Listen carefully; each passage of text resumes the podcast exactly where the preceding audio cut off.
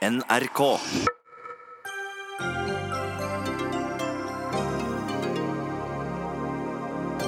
For tre måneder siden skulle alle kluter settes inn for å stanse volden på Oslo-skolene. Byråkratene i Utdanningsetaten engasjerte private konsulenter fra Ernst Young for å lage ståstedsanalyser og utviklingsløyper for 1,6 millioner kroner. Hvordan få flere turister til vakre Vøringsfossen? Jo, fly dem i helikopter rett over hytteidyllen, foreslår Eidfjord kommune. Elevene ved tre skoler i Akershus fylke får muligheten til å sove én time lenger om morgenen. Men vil de det? Nei. Salget av energidrikk med koffein skyter i været. Og da må selvfølgelig gledesdreperne i Forbrukerrådet på banen og foreslå 18 års aldersgrense. Og Arbeiderpartiet vil bruke offshorefartøy til å fjerne plastøyer i havet. Men det er en myte at det finnes plastøyer i havet, og båtene er klimabomber.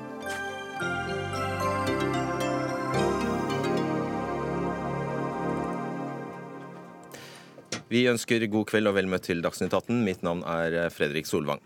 Husker du da fungerende kunnskapsminister Henrik Asheim i oktober innkalte til hastemøte for å finne tiltak mot vold i Oslo-skolen? Alle var like rystet. Derfor var et regelrett koldtbord av statsråder, politifolk, byråder og mange eksperter samlet i Kunnskapsdepartementet i dag. Det var et veldig godt møte hvor vi ble eh, både litt klokere og snakket godt sammen. Og så skal vi jobbe sammen for å løse dette. Men nå viser det seg at en av løsningene var at Utdanningsetaten, altså byråkratene i Oslo kommune, valgte å løse dette ved å leie inn konsulenter fra det som tidligere het Ernst Young, nå EU. For 1,6 millioner kroner skal de private konsulentene lage en såkalt ståstedsanalyse som blir et grunnlag for målrettede tiltak. Utdanningsetaten i Oslo er landets største kommunale etat, med 12 000 ansatte og 77 000 elever og lærlinger, ifølge VG. Budsjettet er på 12,9 milliarder kroner. Likevel måtte de altså få hjelp av konsulenter fra EY. Lærer ved Ulsrud videregående skole, Simon Malkenes. Nå eh, er konsulentselskapet på eh, skolene rundt omkring på skolene. Og dette, et av disse møtene, beskrev du i Dagsavisen i går, for de var på besøk hos dere. Hva skjedde? Ja, vi fikk besøk av eh, Ernst Young, som skulle løse problemene vi har med store klasser, voldsomme elever. Vi har vold og dop og gjengkriminalitet og alt du leser om avisene i klasserommene våre. Eh, så da møtes vi i et stort fellesmøte eh, der vi blir fortalt eh, av både byråkrater, men òg Ernst Young, da, at det som skal settes i gang her, skal fikse problemene. Og Det er jo fascinerende å se på powerpointene med masse piler og rundinger og sånt som skal føre fram til det her. Og at det som vi kjemper med i klasserommene, da blir brukt beskrevet i et tomt, stort språk som, eh, med begrep som rotårsak og gjennomføringskvalitet, der en fasiliterer medarbeiderinvolvering med utfordringsbilde, med dynamiske dokument, og det skal lages fireårsplaner med årshjul og innsatser. Eh, Gikk det over hodet på deg? Ja, jeg jo, har jo hovedfag i allmenn litteraturvitenskap og anser å ha skrevet fire bøker. Men de ordene her Eh, er tomme tønner som rumler. og De kan bety hva som helst, og de klarer overhodet ikke å beskrive eller å gripe det som livet som jeg har i klasserommet, og de utfordringene som jeg stilte overfor. Ålreit. Greit. Astrid Søynen, du er direktør i Utdanningsetaten i Oslo kommune. Hva er en ståstedsanalyse? Uh, jeg tror jeg vil starte med å si at uh, Jeg tror jeg Oslo... vil at du skal svare på et spørsmål. Ja, jeg skal svare på det. Men uh, jeg tror kanskje at for de som ser og hører på nå, så er det litt viktig å vite hvilken sammenheng dette er satt inn. Og det er at Oslo bystyre Eh, har vært rause eh, og virkelig tatt inn over seg at eh, vi har noen skoler som har veldig flinke lærere, men vi har noen utfordringer på skolene slik at lærerne trenger ekstra hjelp. Så det ble innkalt til fastemøte, og det ble bevilget 30 millioner over bordet der fra regjeringen bl.a. Ja, det var regjeringa. Men mm. Oslo bystyre var enda rausere. De bevilga 60 millioner over fire år til sju skoler. Det står i budsjettet for 2018.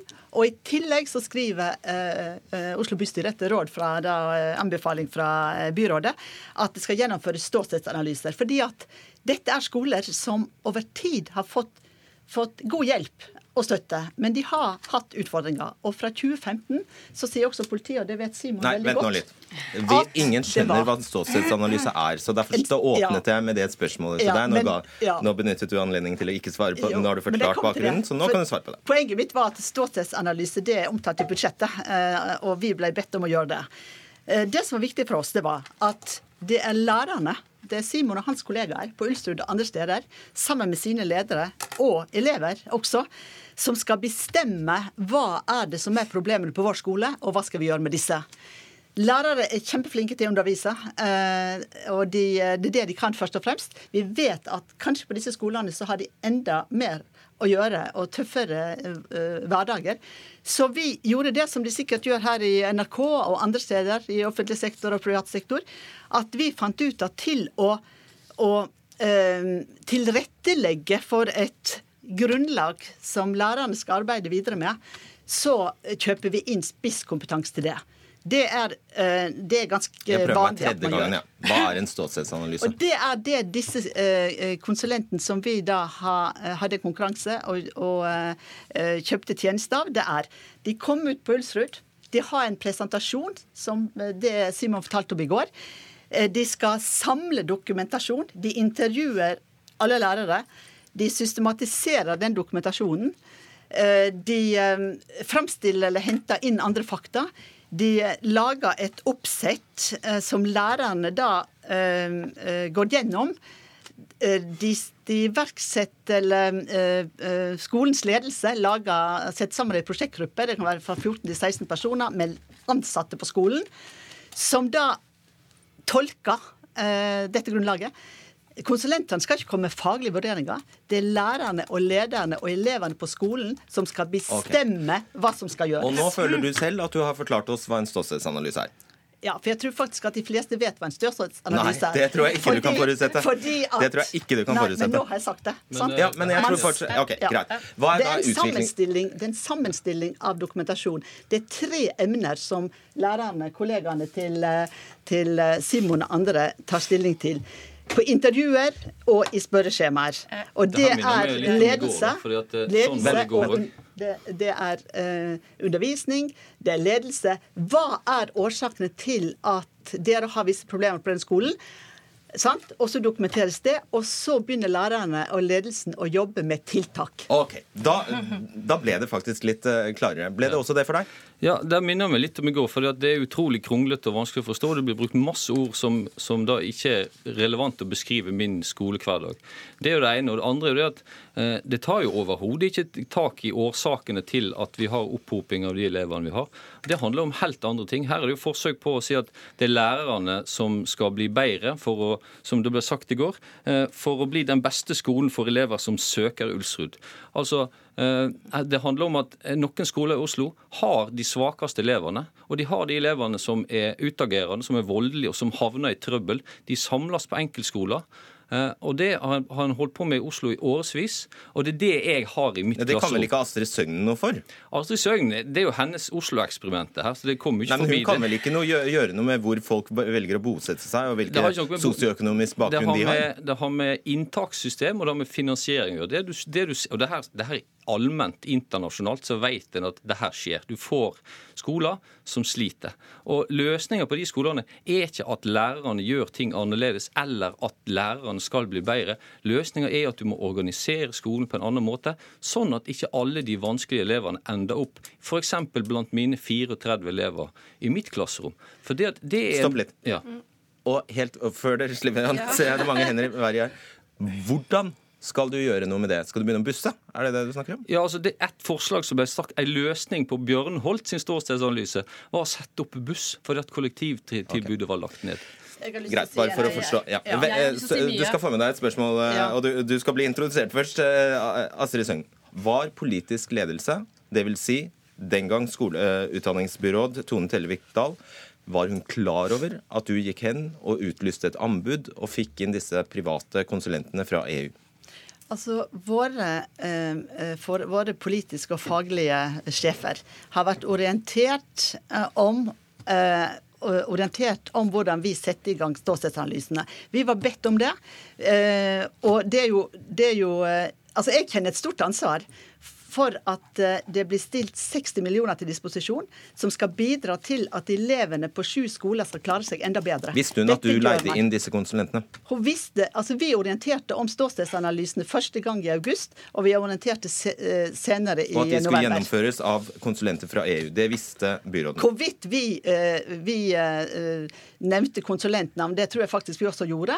fordi at det er jo ikke uvanlig at uh, Utdanningsetaten kan bruke konsulent til et eller annet tiltak. Men vi har faktisk vi har halvert konsulentbruken i 2017 fra 42 millioner til 24 millioner. Sånn at, Stemmer det at du fikk beskjed av Tone Tellevikdal om ikke gjør dette?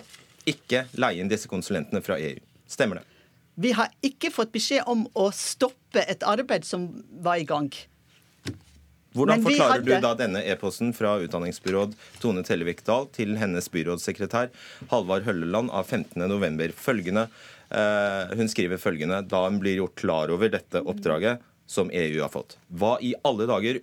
Fem ganger utropstegn. Oppdraget er krystallklart. Dette skal skolen selv eie og gjennomføre. Konsulentbruken skal i tillegg ned. To utropstegn.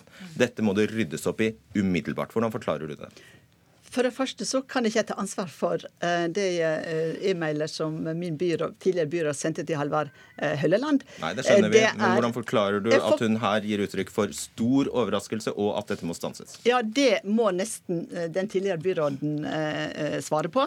Vi, jeg vet også gjennom referater at vi har orientert. Dessuten så Så det kan du dokumentere, sier du? Altså, Jeg kan dokumentere at vi har, at eh, vi har orientert om ståstedsanalyser. Og, og dessuten, at EU var engasjert til å gjøre den jobben for 1,6 millioner. Det har du orientert byråden om. Vi har orientert om ståstedsanalysene. Ja, Men at, ja. EU, var dessuten, at dessuten, EU var engasjert og betalt for 1,6 millioner kroner til å gjøre analysen. Det har de orientert om. Det visste de. De visste at vi, eh, at de visste at vi hadde, eh, hadde henta inn kompetanse. Det visste de fra før sommeren. Eh, og dessuten er det også hvis vi skulle diskutere det som jeg syns ikke vi skal diskutere her, absolutt innenfor for mine fullmakter å iverksette tiltak til 1,6 millioner. Jeg har fått 60 millioner som jeg skal forvalte. Vi har kutta betraktelig, nesten halvert konsulentbruken. Det var det viktigste. Og det, jeg er veldig enig med Oslo kommune det. Og så må dere huske hva det var vi skal oppnå. Vi skal oppnå at enda flere elever skal klare seg godt. Og det er ikke konsulentene som skal foreta de faglige vurderingene. Det er lærerne. Det er kollegaene til, eh, til Simon. Og jeg har lyst til å si en ting. Jeg har snakka med, med, mange som Nå må jeg snart slippe til her. Altså. Kan jeg få si en ting? Du har sagt veldig mye her. Hold an, hold an, hold an. En siste. Ja, fullfør. Jeg vil bare si at jeg har snakka med, eh, med eh, folk som var på, på Ulsrud og på de andre i går. Og jeg vet i går at dine kollegaer ga stilte aktive, de var veldig gode, gode spørsmål, og de takka for presentasjonen med applaus. Vi har fått mange positive tilbakemeldinger på det arbeidet som nå foregår på de sju skolene. Jeg er veldig glad for det. Stemmer det. Fikk de applaus? Altså, Høflig applaus kan jeg få, men jeg var jo der, da. Det var jo ja, ikke du. Nei, så det er jo greit. Og det er ganske fascinerende at du prøver å si at du vet mer om hvordan det var der i går enn meg. For ja, det men, vet du eh, selvfølgelig ikke. Jeg sa det at okay. de fikk applaus, og det syns jeg er fint at du bekrefter. Nå. Okay. Ja, men det Nå, kan du jo få.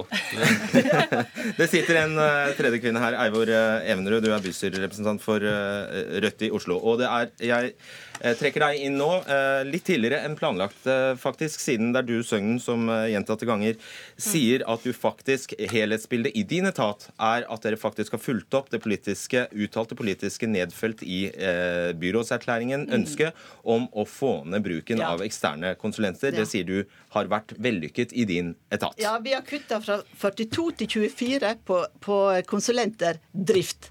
Ja. Hvordan ser helhetsbildet ut? Eivor eh, Evenrud. Ja, takk. Jeg sitter jo i Oslo bystyre, også nestleder i kultur- og utdanningskomiteen, som holder på med budsjettene nettopp eh, for Utdanningsetaten og også Oslo-barnehagen. Og Jeg hører jo Søgnen sier at Oslo bystyre har vært veldig rause, og at hun har fått 60 millioner. Jeg, vil bare si med en gang at vi har ikke på noe tidspunkt vært eh, såpass rause at vi har tenkt at vi skal levere 1,6 millioner til Ernst Young. Uh, og så er det jo sånn at uh, vi har også en, uh, et, en byrådssak her som også har vedtatt om hvorfor Oslo kommune skal bruke konsulenter. Og jeg siterer at faktorer som kan føre til konsulentbruk, det er små fagmiljøer. I en del tilfeller er fagmiljøene i kommunen den aktuelle virksomheten så små at dette medfører et behov for å bruke ekstern kompetanse.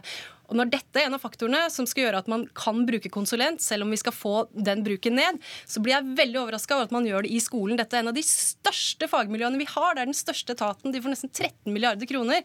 Og at man kan gå inn og mene at det er et lite fagmiljø, det skjønner jeg ingenting av. Hva? Og det er i strid med det her. Vi har i tillegg fagforeninger som representerer alle disse. Det finnes et lass med mennesker som kunne sagt noe om dette uten å leie inn disse konsulentene.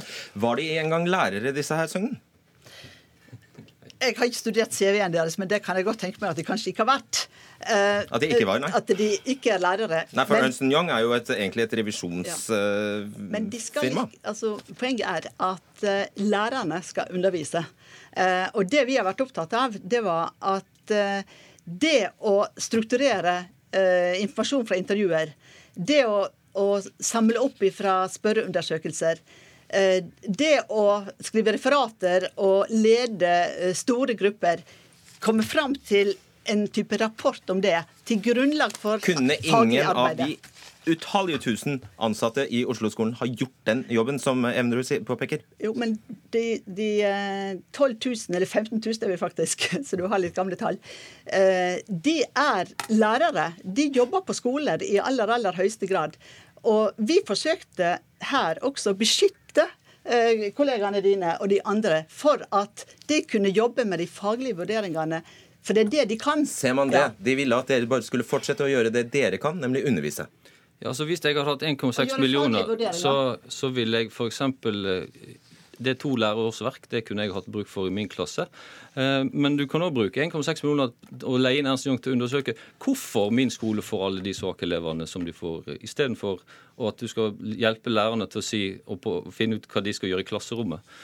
Finne, det er det vi trenger å finne ut her. Hvorfor ender de alle opp i mine klasserom istedenfor på forskjellige skoler? Men da må jeg bare stille, spørre deg, Simon, Ja. eh, Simon Malkenes. Ja. Da høres det nesten ut som du ikke blir tilfreds, for du har kvittet deg med en stor porsjon av dine egne elever og erstattet dem med enklere, kanskje hvitere elever. Altså, det, en kommer ikke unna, altså Rektoren i Oslo kaller det for brune og hvite skoler. Så En kommer ikke unna at det er alvorlige greier, det her. Eh, det, mitt, jeg gjør så godt jeg kan. Jeg strekker meg eh, til nattesøvnen for å hjelpe de elevene jeg har. Eh, Det som skjer i sånne klasser, er at du får selvforsterkende dynamikk som gjør at ungene ikke får til det de kan. De får ikke ut potensialet sitt, og det er veldig tung jobb å løfte 34 Men er det ikke din fordømte plikt, når du er satt der til å undervise disse de du nå en gang har da foran deg, og faktisk gjøre den jobben? Undervis dem, det er de du har. Men vi trenger hjelp til å hjelpe de som trenger den største hjelpa. Det er de svakeste elevene i Oslo. Ok. Litt tilbake til det store konsulentbildet Ja. her, Eivor Takk. eh, Eh, Evenrud. Vær så god. Vent, vent, vent. vent. Jeg glemte å Det er- rett i en ting. Eh, Ja, det skal du også få gjøre etterpå, etter at har, eh, eh, etter at jeg har fått sagt at det stikk motsatt av det som står i byrådserklæringen, nemlig at man skal redusere bruken av eksterne konsulenter, har skjedd. Det er altså slik at i tertialrapporten fra byrådet står det samlet sett har konsulentutgiftene i drift økt med 85 millioner kroner.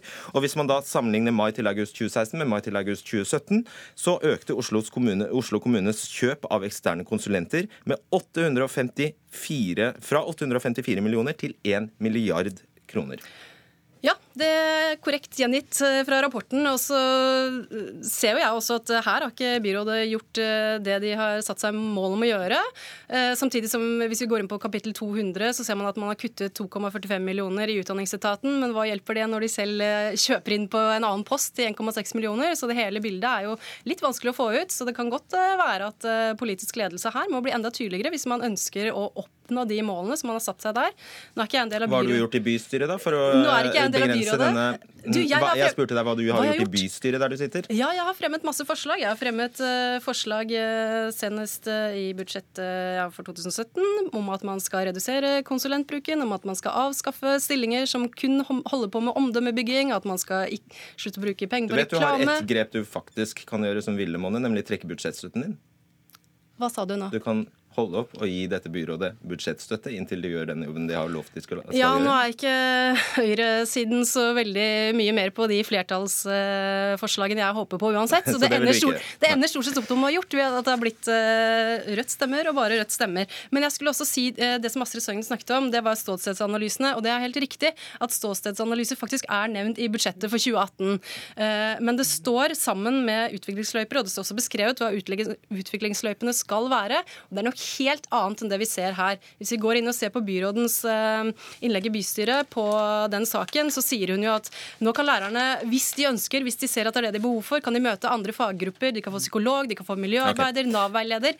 Men det ble aldri nevnt en konsulent. Jeg tror ikke det var den yrkesgruppen eh, byråden så for seg at lærerne skulle møte nå. Vi kommer til å, eh, gå opp denne løypa og se, selvfølgelig høre oss med, forhøre oss med Tellevik Dahl om For det er praktisk talt ord mot ord her, men la, la det ligge nå. Hva betyr det at skolen skal eie prosjektet? Det betyr at eh, skolen har ansvar for å iverksette tiltak, vurdere tiltak, følge opp. De lager tre-fireårsplaner, de lager tremånedersplaner. Alt, det- alt det er skolens eh, arbeid. Da vil- eier man prosjektet. Man, det er skolen som eier prosjektet. Det er ikke én konsulent som skal gjøre én faglig vurdering. De bare legger til rette. Og jeg har lyst til å understreke at utviklingsløyper, budsjettet, eh, alt er forankra i de politiske dokumentene. Og våre foresatte er blitt holdt orientert underveis. Det er faktisk viktig for meg å slå fast. Ja, det springende punktet var om de var klar over at du hadde brukt 1,6 millioner kroner på private det var 1,6 konsulenter fra E. EU. Om det var EU, det skal ikke jeg garantere, men de var holdt orientert om. Og dessuten vet de jo veldig godt at når man skal uh, ha et konsulentoppdrag, så må man ha en konkurranse, og da er det flere inne uh, i bildet. Og så har jeg lyst også Nei, å si nei, nei, ja. det blir veldig eh, jeg bare, Altså, eh, det er skolen som skal eie prosjektet. Hva Ja, er det det, det er samme flotte ordene som rotårsak og fasilitere. Eh, Men eh, det som jeg opplevde i går, som er beskrevet, og som er de pilene og sirklene og, og den arbeids, arbeiderinvolverings-årshjulsinnsatser, beskrivelsene her, eh, er ikke nyttig for meg. Eh, Og da, da tenker jeg én ting. Det er penger ut vinduet. En kunne brukt det på helt andre ting i skolen som er prekære, og som trenger 1,6 millioner. Eh, Og så er det jo grunn til å spørre da, kan en kaste bort 1,6 millioner og uten at noen tar ansvar for det? For det hadde er veldig interessant. Jeg har ansvar for mitt, da må noen andre ta ansvar for sitt. Hvis du formulerer deg på ti sekunder, skal du få svare på det. Det kan si deg, Simon. Jeg har full respekt for at du eh, har de synspunktene du har, men det er 10 000 andre lærere der ute. Eh, du er én av eh, de mange, og lærerne er fornøyd på de skolene som nå har gjennomført analysene. Og de er glad for at vi har fått hjelp, og det er viktigst for meg. Der fikk du den. Takk. Der fikk du den. Takk. Eh, Jeg skal legge til på slutten her at det hadde jo vært eh, egentlig på sin plass at politisk ledelse selvfølgelig i en eller annen art om det var eh, utdanningsbyråd eller eh, hvem det nå skulle være, finansbyråd for så vidt, eh, var her, men det ville de altså ikke. Det registrerer vi. Takk skal dere ha, Simon Malkenes, Astrid Søgnen og Eivor Evner. Dagsnytt 18 alle hverdager klokka 18.00 på NRK P2 og NRK2.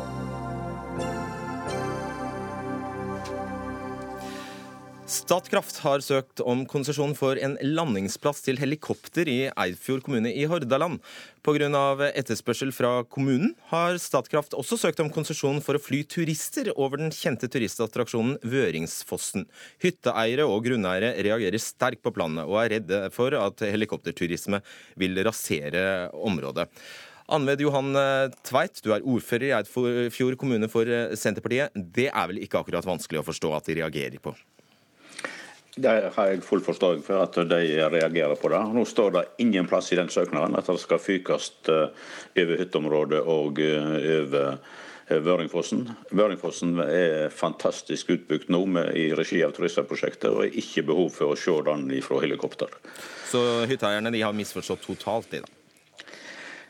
Det er primært Statkraft som har behov for den plassen, og derfor så søker de konsesjon.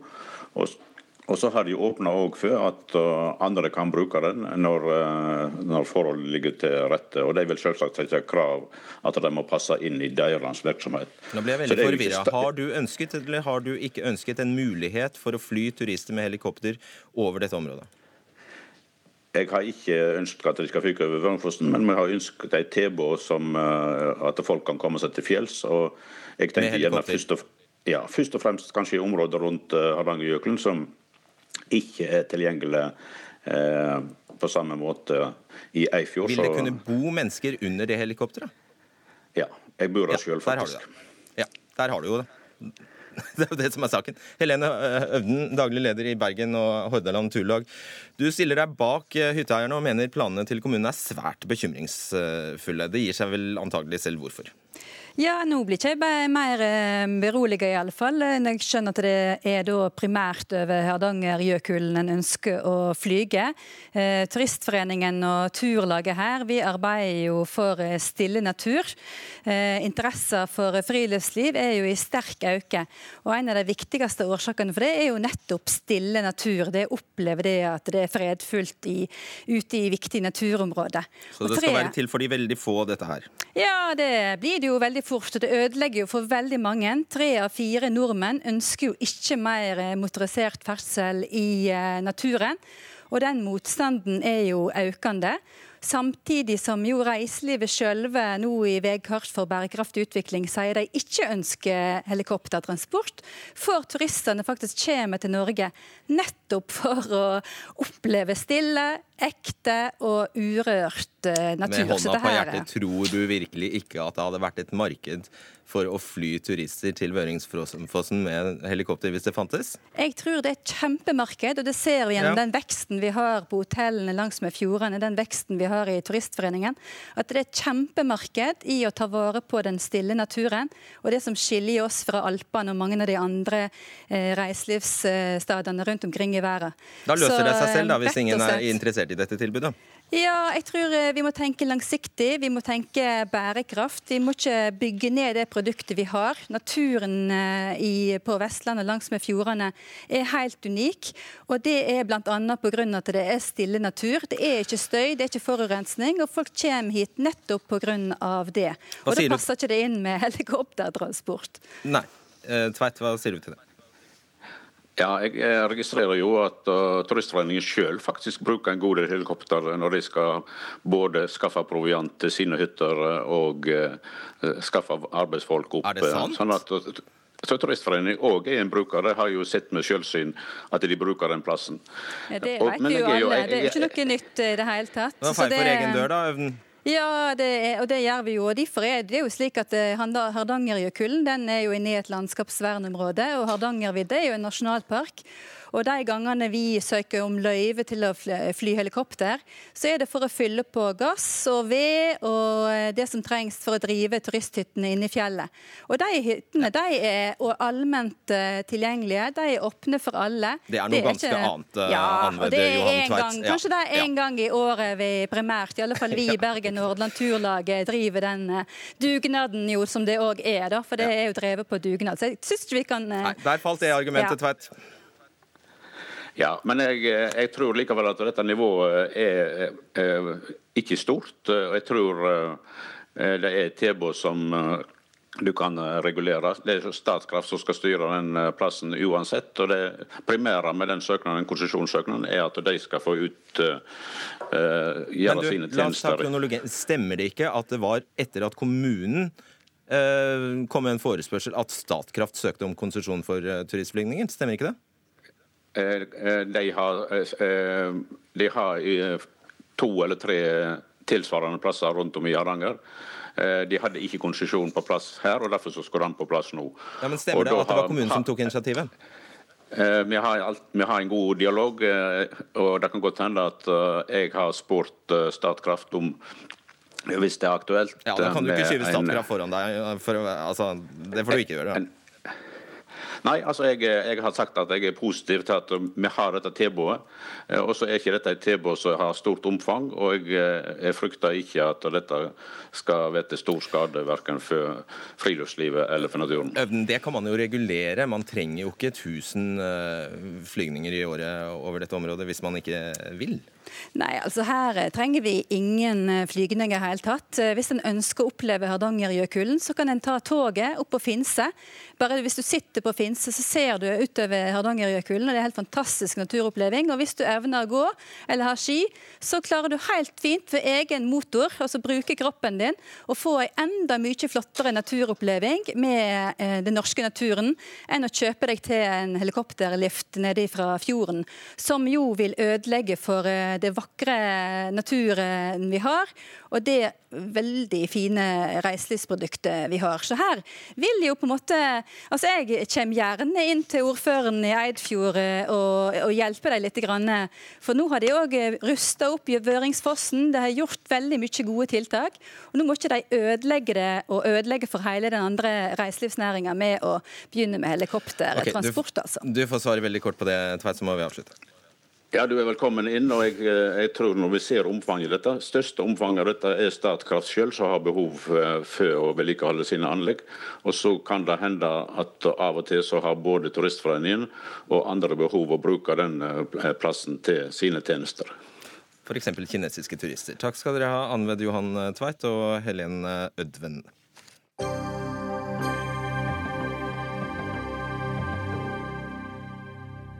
Hva skjer med resultater, trivsel og læringsmiljø hvis eh, man lar eleven på forsøks, eh, elevene på tre forsøksskoler starte skoledagen tre kvarter tidligere? Nei, senere, mener jeg. Senere. Ja, Det ville Akershus fylkeskommune finne ut, og de har gjort elevene ved Asker, Lillestrøm og Frogn videregående skoler til forsøkskaniner. Man skulle kanskje anta at uh, morgentrøtte elever takket jublende ja til et sånt tilbud om å få være med på dette forsøket, men nei. De er faktisk skeptiske til å begynne klokka ni i stedet for 8.15. Dette må du forklare, Lena Deli Krebs. Du er elevrådsleder ved Asker videregående. Hvorfor, hvorfor vil dere ikke dette? Jo, altså, Man skulle jo gjerne tro at elevene kom til å juble, men det gjør jo som sagt så vidt ingen. Jeg har jo forhørt meg rundt på skolen, og de aller, aller fleste stiller seg jo veldig sterkt imot dette forslaget. Og det er hovedsakelig pga. trening og jobb som er rett etter skolen. I tillegg så har vi en idrettslinje, så trening blir jo da ekstra viktig å rekke etter skolen. Og så har vi jo dette søvnargumentet dere bruker. Og det er også veldig mange som mener at dette er litt irrelevant, fordi vi også bare kommer til å legge oss senere. Ja, Bare forklar hva, hva som kommer til å skje med sluttidspunkt. Når slutter dere hvis dere starter klokka ni kontra i dag? I dag slutter dere altså 15.35. Eh, ja, 15.35, ja. Og så er planen da med Når man begynner klokka ni, så slutter man i stedet Klokka fire. Ja. ja. Det høres kanskje ikke så dramatisk ut, men det gjør jo også at vi får jo kortere friminutt og sånt, så det blir jo litt mer stress da i løpet av skoledagen, siden man må gjøre alt kjappere. Mm. Eh, så ja, det er jo veldig mange som er imot det da. Ja. ja. Skjønner det. Arne Rune Gjelsvik, eh, du er leder av Hovedutvalget for eh, utdanning og kompetanse i Akershus fylkeskommune, representerer eh, Fremskrittspartiet. Som sagt, elevene går nå i Asker. De starter 8.15 og er da ferdig 15.35. Fra høsten blir det 9 til 16. Da blir skoledagen, altså dagen blir altså 20 minutter kortere, egentlig. Altså man korter inn friminuttene. Hvorfor gjør dere dette når elevene ikke ønsker det? Ja, Det kan du spørre om. Det var jo en problemstilling ja, som kanskje ikke helt så komme, at dette skulle bli protester på dette her. Ehm, de fleste ville vel trodd at de ville jublet over et slikt, eh, et slikt, tiltak. Men det vi har sett, i, eh, er at de forskningsresultatene som vi har på dette her, altså så entydig positive eh, i forhold til hva, hvilken effekt det har å begynne litt tidligere for ungdommen. Jeg kan bare gi noen eksempler på det. Dette er fra USA. Men de er samme fra England.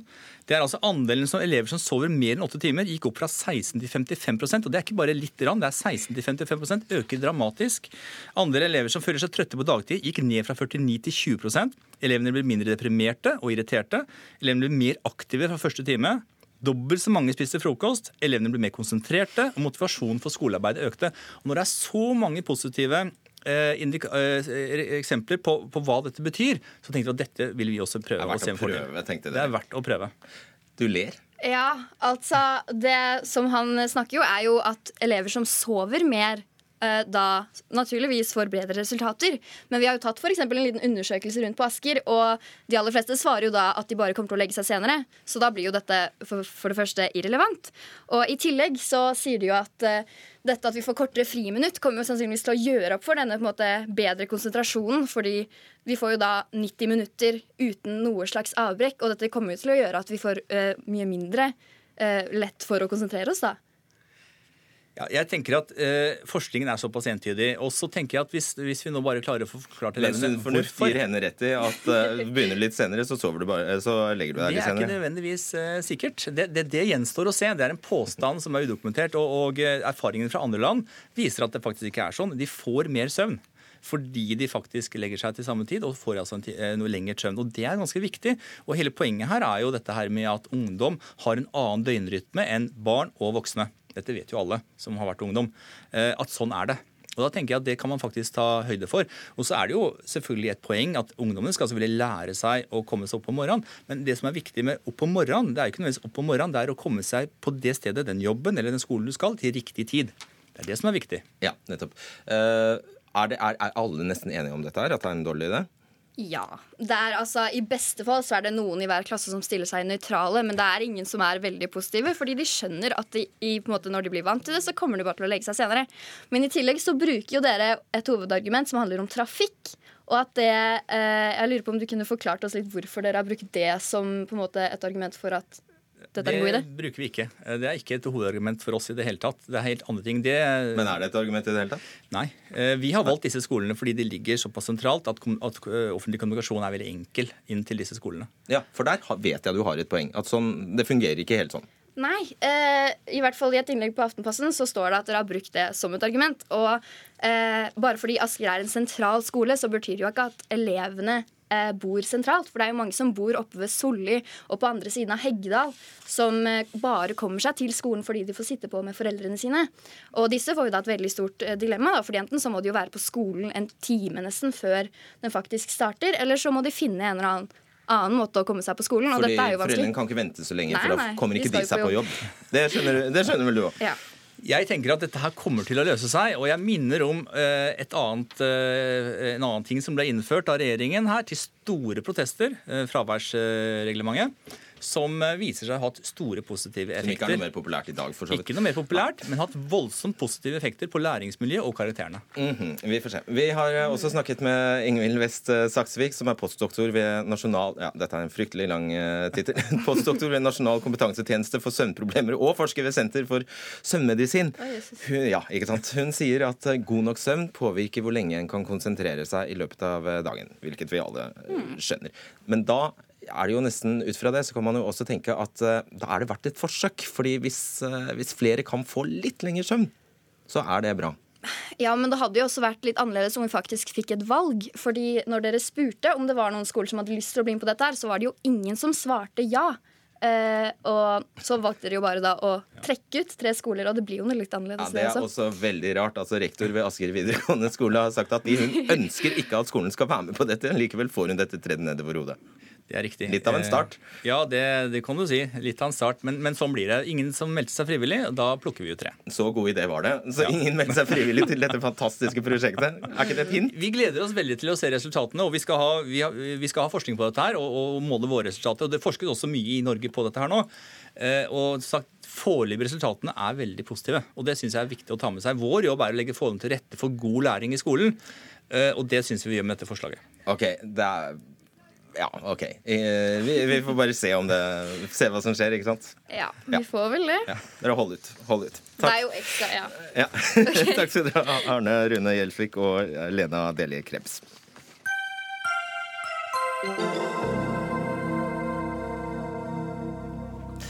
Den neste debatten vi skal ha her, henger på noen måter nesten litt sammen med den forrige. Fordi Forbrukerrådet vil ha aldersgrense på energidrikk. Det kunne vi eh, se på TV 2s Matkontrollen. Og det innebærer at eh, du som er under 18 år og liker å drikke ja, ting som Red Bull, Battery, Burn eller Mønster, det kan det bli en slutt på nå. Synne Alsvik og Camilla Damman, dere går i åttende klasse på Ris skole i Oslo. Hvor ofte drikker dere energidrikk? Uh, jeg drikker noe energidrikk én til to ganger i måneden cirka. Og du da? Ja, jeg drikker litt sånn en gang i uken, men det er, det er ikke alltid. Ok, Hvorfor gjør dere det? Det kan jo være litt sånn Morgenene kan være litt sånn Man blir veldig slitne, vanskelig å stå opp, og da er det hjelper det kanskje. Hvis man er sliten på skolen, hjelper det kanskje bare å kjøpe en energidrink i friminuttet, da. Bare for å få opp energien. Ja, og så i tillegg så smaker det jo godt. Det er som brus med litt ekstra kick, liksom. Ja, ikke sant? Mm. Kjøper du med eller uten sukker? Uh, det varierer egentlig veldig. Okay. Jeg tenker ikke så mye på det. Mm. Men det er jo mange som drikker mye, mye mer enn dere. Ja. Hvem er det som drikker mest? Det er vel guttene, kanskje. er det? Men uh, Jeg tror kanskje de som drikker litt mer, kanskje litt eldre enn oss. Ja. Prøver kanskje å være litt kule for vennene sine og kjøpe litt oftere. Jeg vet ikke. Drikker man en hel, for de kommer jo i forskjellige størrelser, men noen er jo en hel halvliter. Ja. Drikker ja. man en, Bælmer man i seg en hel halvliter på en gang? Eller? Nei. Hver, hvis jeg kjøper, så klarer jeg ikke å drikke opp hele uansett selv. Så jeg deler som oftest med ganske mange folk. Sånn, jeg hadde ikke klart, jeg hadde fått altfor mye energi hvis jeg drakk hele selv. Ja, og så I lunsjen og sånn så deler man jo mat med alle som kommer. Man går ned på, ned på den butikken som ligger nedenfor skolen, og så kommer det da folk og nesten tigger om mat. og da deler man ofte litt. Ok. Um, de, de, gutta da, kanskje spesielt, som mm. Eh, drikker, drikker, mest, hvordan blir de? Hvordan endrer de seg? Hvordan blir de når de drikker mye energidrikk? de blir jo mer hypre, men eh, det kommer an på hvor mye og hvor ofte de drikker, da. Uh, ellers, man, ellers, er det ikke noe sånn spesielt noen andre ting enn at de blir Nei, bare blir litt, litt ekstra hype. ok. Dere har hørt at det kan være farlig? Ja. ja. Det er jo Men ettersom de fleste voksne drikker jo to til tre kopper kaffe om dagen, og hvis da jenter eller gutter på 13-14 år kan drikke energidrikk én eller to ganger i måneden, så syns jeg ikke at det skal være så veldig farlig. Når voksne drikker store mengder kaffe hver dag. Men det er større kropper, da. Ja, ja. Men allikevel så blir det jo målt opp cirka, da. Hvis okay. det er to til tre ganger i måneden og to til tre ganger om dagen. Og snart skal vi høre her at nå foreslås det fra eh, Forbrukerrådet at eh, det skal bli 18 års aldersgrense ja. på å kjøpe dette her. Hva syns dere om det? Jeg føler at det er litt for gammelt, kanskje. Fordi det kan jo hjelpe, det hjelper hvis det er folk som eh, er litt eldre enn oss, da. De blir veldig slitne, så trenger de litt energi, og så er det ikke alltid de liker kaffe. Så da kan det kanskje hjelpe med sånn, siden du sa litt om brus med litt ekstra kick. er det for strengt? Synes ja, det, det? syns jeg. Altså, alkoholgrensen er jo 18 år, og hvis man da skal sette opp liksom, energidrikk på nivå som alkohol er, på en måte, da syns jeg det blir litt for drøyt å, å ta den helt opp til 18, liksom. Bare fortell meg kort, Er det vanskelig for dere som er 13 år å få kjøpt Fordi i dag er det 14-årsgrense, er det ikke? Mm. Mm. Er det vanskelig for dere å få kjøpt i dag? Nei. Nei. Det er ingen voksne som spør oss om det, nesten. I det hele tatt. Nei, vi... Og de stopper dere ikke på butikken? Nei. Nei, fordi vi går jo på ungdomsskolen, og etter året blir vi 14. Da er det, Ungdomsskolen er jo 14, 15, 16. Ja. ja. Så jeg tror kanskje de vet det litt fra før at vi At vi ikke er ti, liksom. Ja. Ok, De gjør sånn? Ja. okay. Tusen takk skal dere ha, Synne og Camilla. Ja. Kjempefint. Takk skal dere ha. Det er altså du som er gledesdreperen av alle over alle gledesdrepere i dag. Gunstein Instefjord, du har tittelen fagdirektør for handel i um, Forbrukerrådet. Eh, faktisk var det et veldig godt poeng. Å sette grensa like strengt som for alkohol er jo eh, uproporsjonalt og urimelig. Ja, altså det er, et, det er, et, veldig godt poeng og et veldig relevant eh, spørsmål. 18 år er, er, jo myndighetsalderen som er etablert i, i Norge. Og når vi har landa på den, så, så, er det også fordi at eh, vi ser at 16-åringer eh, også er, er utsatt. Det siste tilfellet som nå har vært omtalt i media, er jo en 16-åring fra Sverige som kom på sykehus med, med, hjerteproblemer som følge av et høyt akutt inntak av mm. energidrikk. Han har drukket mye på, på, kort tid, og Og, og, med de sterkeste energidrikkene som nå er på markedet, så snakker vi her om et høyt akutt inntak. da, F.eks. bare tre bokser innenfor et, et, kortere tidsrom. Og jeg, og jeg, tror nok ikke at, at, at um, og tre bokser med det sterkeste energidrikken for 14-15-16-åringer, da når du et nivå som, som, gir grunn til bekymring. Og så reagerer noen reagerer ikke, mens noen reagerer og får problemer. Og det, og det er bakgrunnen for at vi sier det at her er det risiko. og eh, Barn og unge skal beskyttes. Derfor trenger vi aldersgrense. Petter Nome, direktør i Bryggeri- og drikkevareforeningen. Forutsigbart hva du skal mene om dette her? ja, det er kanskje det. Uh, jeg er, jo helt, jeg er jo helt enig med Gunstein Instefjord i at barn og ungdom ikke skal drikke energidrikker. Men jeg syns vi har sittet og hørt på noen veldig fornuftige jenter. Det gjør de, da. jo, men nå har vi sittet og hørt på noen veldig fornuftige. Dere var 13 år. Eh, som jeg tror er ganske representative for de på den alderen som drikker energidrikker. De drikker veldig lite, og det er bare å slå fast, og jeg håper du kan si du er enig, det konsumet dere snakker om, er 100% ufarlig. Altså, Vi snakker jo om drikkere her som har like mye sukker som en eplemost. Ja, Men det er noen som drikker så mye mer enn den. Ja, som drikker hver dag, Men de er dagen. Altså, Tenk deg, det er ingen aldersgrense for å sykle, men det er mange barn som havner på sykehus fordi de sykler fort og uforsiktig. Det er 16-årsgrense for å kjøre moped. Mange havner på sykehus, mange går enda verre med fordi de kjører uforsiktig. Jeg tror vi må tenke at på et eller annet tidspunkt i livet så må barn og ungdom lære å ta ansvar for sine egne handlinger, bl.a. også det de putter i munnen.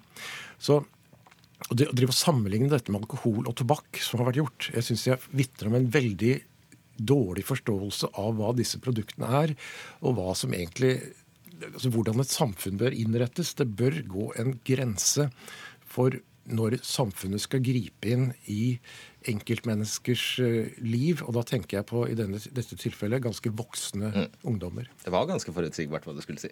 ja, det var vel det. det var men altså Ifølge TV 2 har uh, salget av energidrikker økt med 30 det siste året. Eller omtalt til penger svimlende 1,3 milliarder kroner. Så dette er, blitt, det er kjempepopulært. Det er altså Petter Nomes medlemsbedrifter.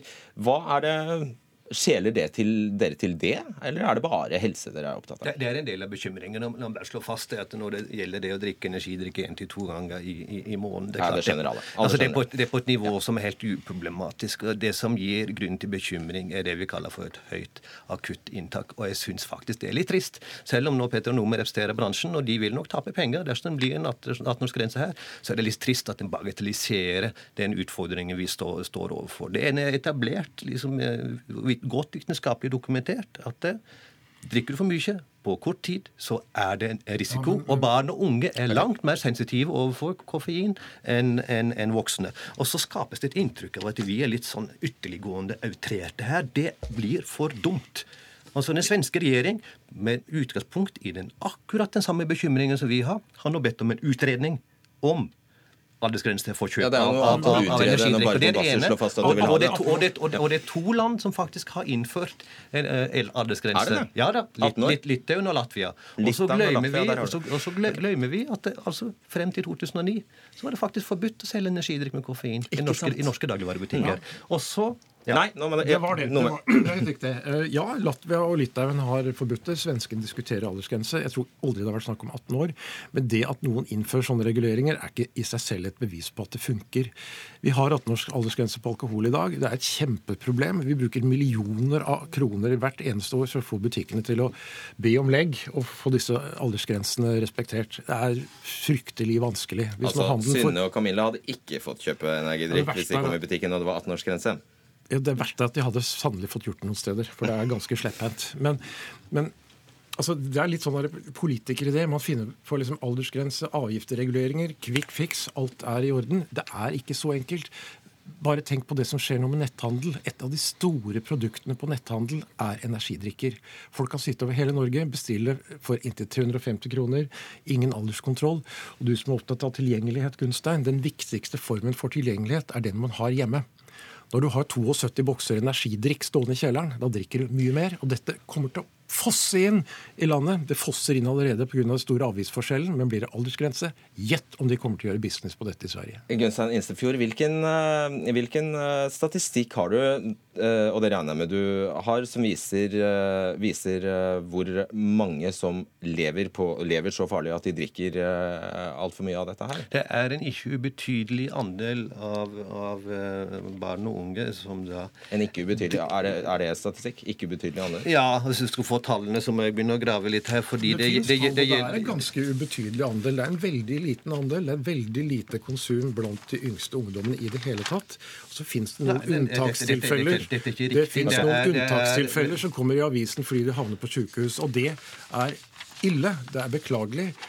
Derfor tror jeg at det er mye mye større behov for en bevisstgjøring og kunnskap om dette fra skolen, idretten, foreldre, enn akkurat det å smelle en aldersgrense i bordet. Altså, totalt sett så er det 37% i alderen 10-18 år som ifølge vår undersøkelse som drikker energidrikker. Og det er 7 ja, i, alder, i aldersgruppen 10-12 år bruker energidrikker. Og 4, 4% av disse de, de, tar det da hver dag. Og dette er i aldersgruppen 10-12 år ifølge vår undersøkelse. Blant 16-18-åringene som, som, drikker energidrikker, drikker hele 4% av disse ungdommene slike drikker én eller flere ganger ganger om dagen. Så det er faktisk en ikke ubetydelig andel av barn og unge som drikker, ikke bare regelmessig, men som mer enn en gang for dagen. Og det, ja, fordi det, det, er så godt, og, som de sier. Men, men, men med utgangspunkt i det risikobildet som er så forventer vi at bransjen tar det litt mer på alvor. At det er faktisk en risiko knytta til et høyt forbruk av energidrikk. Og så, må jeg jo si altså, at det er jo åpenbart at, at her er det litt penger inne i spillet. Når, når du faktisk prøver å bestride at en 18 års aldersgrense vil ha effekt. Altså dersom, dersom, det ikke vil føre til en, en reduksjon i forbruket blant barn og unge, ja, men da har ikke bransjen noe å bekymre seg for. Jeg vil gjerne slutte å selge energidrikker til 8, 9, 10, 11, 12, 13, 14, 15-åringer. Jeg tror, tror, ikke det er noen god idé. Altså, Bransjen vår er den mest seriøse i Norge når det gjelder dette med markedsføring mot ungdom. Vi har en selv... Det er en, en alvorlig overdrivelse, beklager. Jeg snakker, nå, det er en jeg snakker nå, Vi har en selvpålagt aldersgrense. Disse drikkene markedsføres ikke mot ungdom 16 år. Under 16 år. Alle bokser er merket med at det ikke bør drikkes med ja, under en annen alder. Så påstå at bransjen ikke tar ansvar, vel, ja. Takk skal dere ha. Det er over. Takk Gunstein Insfjord, Petter Nome, og ikke minst Synne Alsvik og Camilla Damman. Hør Dagsnytt 18 når du vil.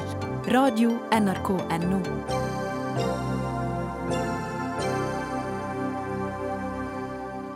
Alle er bekymret for plasten i havet. Alle ble forferdet over hvalen med 30 plastposer i magen. Arbeiderpartiet har nå foreslått at ledige offshorefartøy bør sendes ut for å plukke opp plast i sjøen. Forslaget kommer i forbindelse med at Stortinget behandler regjeringens avfallsmelding, og ser ut til å få flertall. Men nå reagerer faktisk flere miljøorganisasjoner på dette forslaget, og mener det er en dårlig idé. Lise Gulbrandsen, du er daglig leder i Hold Norge rent. Hva er det Arbeiderpartiet ikke forstår? Ja, nå vil jeg bare først og fremst si at jeg eh, blir veldig glad eh, når vi har politikere som engasjerer seg, og som foreslår eh, tiltak som skal bekjempe marin forsøpling. Men så blir jeg også veldig lei meg. fordi dette forslaget det adresserer rett og slett ikke problemet. Nå er det veldig viktig å rydde opp, og det skal vi fortsette med. Men det er utrolig mye mer viktig å forebygge. Og Hvis vi skal bruke store mengder offentlige midler på internasjonale tiltak, så må vi bruke de der de har størst effekt. Og Det betyr at vi må stoppe tilsiget. for det er det som er problemet. Da tar vi det første først her. Hvorfor du sier de adresserer ikke problemet. Hvorfor vil ikke disse offshorefartøyene klare å gjøre noe med plasten i havet? Um, det er først og fremst fordi at konsentrasjonen av plast i havet er så lav. Vi snakker om at det er ca. 1 kilo plast per kvadratkilometer. Oi, så man, må jo, man må jo dekke helt enorme områder for å hente opp plasten. Mens hvis man rydder på land, så er jo konsentrasjonen på verdensbasis gjennomsnittlig to tonn per kvadratkilometer. Så det er jo langt mer effektivt å rydde på land. Finnes det ikke plastøyer, da? Nei, det gjør faktisk ikke det. Det, det er en? Det, det er en myte. Eh, det er en sannhet med modifikasjoner. Det finnes områder i havet med større konsentrasjoner av plast. I disse gyrene, som jo ofte blir kalt for plastøyer, så er det ca. 18 kg per kvadratkilometer. Men, Men vi har jo sett for oss ja. store mm. dunger mm. som bare flyter på havet av plast. De finnes ikke. Nei, de gjør ikke det. Så man kommer til disse gyrene, så Hva er en gyre? Det er, det er disse havvirvlene hvor plasten samler seg. Som da blir kalt for plastøyer. Når man kommer til de, så kan man stort sett ikke se plasten. Det er jo fordi at plasten er så, altså de bitene er så små. Og veldig ofte så fortelles denne historien samtidig som man viser bilder fra f.eks. Manila Bay um, eller andre steder hvor, det, hvor, man har veldig store konsentrasjoner av plast. Um, og der kan man selvfølgelig gjøre en effekt, ha en effekt. Da er vi delvis lurt. Eh, Else May Botten, stortingsrepresentant for eh, Eller helt lurt, faktisk. Stortingsrepresentant for eh, Arbeiderpartiet og medlem av energi- og miljøkomiteen. Visste du dette? Ja, nå er det sånn at uh, Vi sitter og jobber med ei stortingsmelding, som uh, du sa så fint her i stad.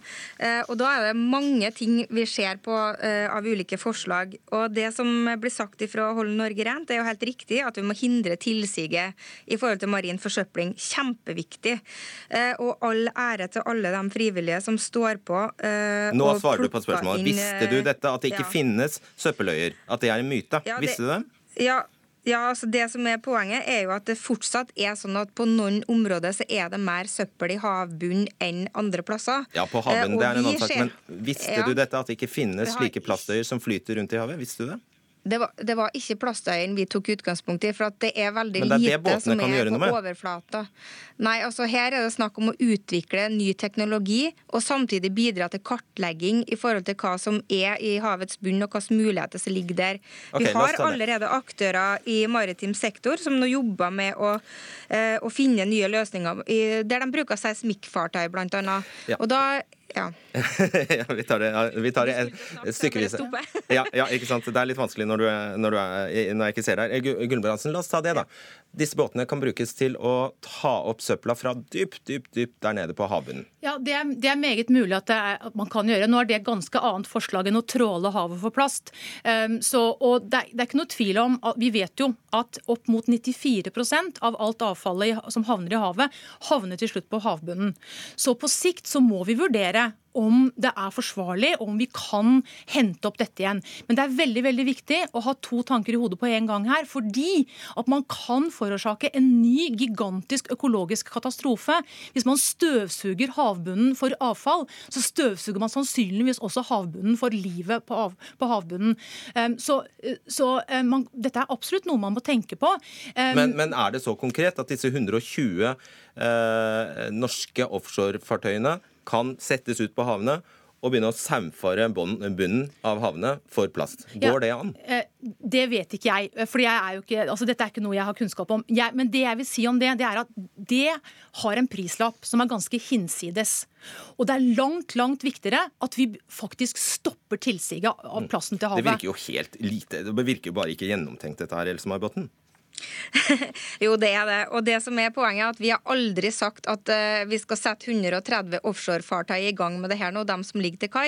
Men vi har sagt at det er muligheter for å dra en internasjonal lederposisjon i forhold til rydding, ikke bare hindre til, uh, tilsiget av avfall. Begge deler er jo viktig. Uh, og så ser vi jo det at Nei, mye av avfallet hvor skal, den, hvor skal fartøyene rydde? På overflaten eller på bunnen? Altså, Det er det jo ikke jeg som skal bestemme. Poenget er at vi skal ta tak i, i, plast. og Det meste er jo, det, 70% av plastavfallet ligger jo på havets bunn. Eh, det vi ber regjeringa om, det er å utrede hvordan det er mulig å få til en markedsmekanisme eh, der vi faktisk får eh, både rydda plast i havet, der det er verst, eh, samtidig som vi ønsker å få på plass og bidra til infrastruktur i de landene der man har bruka altså, vil, som ja. Nei, det er ikke det, for vi har aldri foreslått det du sier, så du må på en måte forholde deg til det forslaget vi står overfor. Ja, jeg, Men utredning er viktig. Jeg skal det, lese det med en gang jeg er ferdig her. Ja, jeg har det her òg. Vi har mange ulike forslag her, sånn at henger sammen. Eh, så det er viktig okay. både å hindre uh, avfallstilsiget i havet, men vi skal òg se på hvordan, vi, hvordan det er mulig å kartlegge og rydde i havet. Okay. Er det smart Lise Gulbrandsen, å sette inn disse fartøyene utenfor norskekysten? Um, Utenfor norskekysten så trenger vi noen eh, flere båter eh, i arbeid. Det gjør vi absolutt i forbindelse med opprydding langs kystlinjen. Eh, for det er helt klart sånn at det de frivillige gjør, det er veldig viktig og veldig bra, men det er veldig mye avfall som de ikke kan rydde. Fordi det er for stort, det er for vanskelig å frakte osv. Så, videre. så vi, vi trenger flere altså, Her i dag så er det jo Kystvakta, Redningsforbundet, Skjærgårdstjenesten og også oppdrettsnæringen som bistår på dugnadsbasis i, i å rydde opp langs norskekysten. Men jeg mener det er veldig viktig å si at det aller viktigste vi gjør, det er faktisk å bruke altså Hvis vi skal bruke norske skattebetalers penger på internasjonale tiltak, så må vi bruke det der hvor det er mest effektivt. Dette her, hvor er det, da? Det er selvfølgelig i land i sør, hvor, hvor forbruket okay. øker, og hvor, um, hvor det nesten er, ikke er avfall. 50 var... av verdens befolkning har ikke avfallshåndtering. Yes. Da skal jeg, avsluttende spørsmål, Botten. Var det tanken å sende disse fartøyene til Afrika eller til Bangladesh f.eks.? Altså det Vi har sagt er at vi vil ha en internasjonal dugnad på det her. Det betyr jo at både FN og EU må, uh, må, samle seg om det her. Og Erna Solberg var jo forrige uke i Davos uh, og sa at nå må vi ha et høypanel som skal sette seg ned og se på bærekraftig økonomi. Og Da mener jeg at finmekanismen der om å ta inn over seg at vi ha, må ha en redningspakke for havet, og at det her er en internasjonal dugnad. Det her handler ikke om bare stranda rett utenfor der jeg bor, men det handler om hele verdens utfordringer. Nå snakker faktisk ikke jeg om stranda utenfor der hvor jeg bor, nå snakker Nei, jeg om de landene i verden som er de største forsøplerne. Ja, og jeg, nå må jeg si stopp, fordi vi har ikke mer tid. Tusen takk skal dere ha, Lise Gulbrandsen og Else, Else Mai Botten, Dag Dørum, Marianne Myrhol og Fredrik Solvang setter strek for denne Dagsnytt 18-sendingen. God kveld.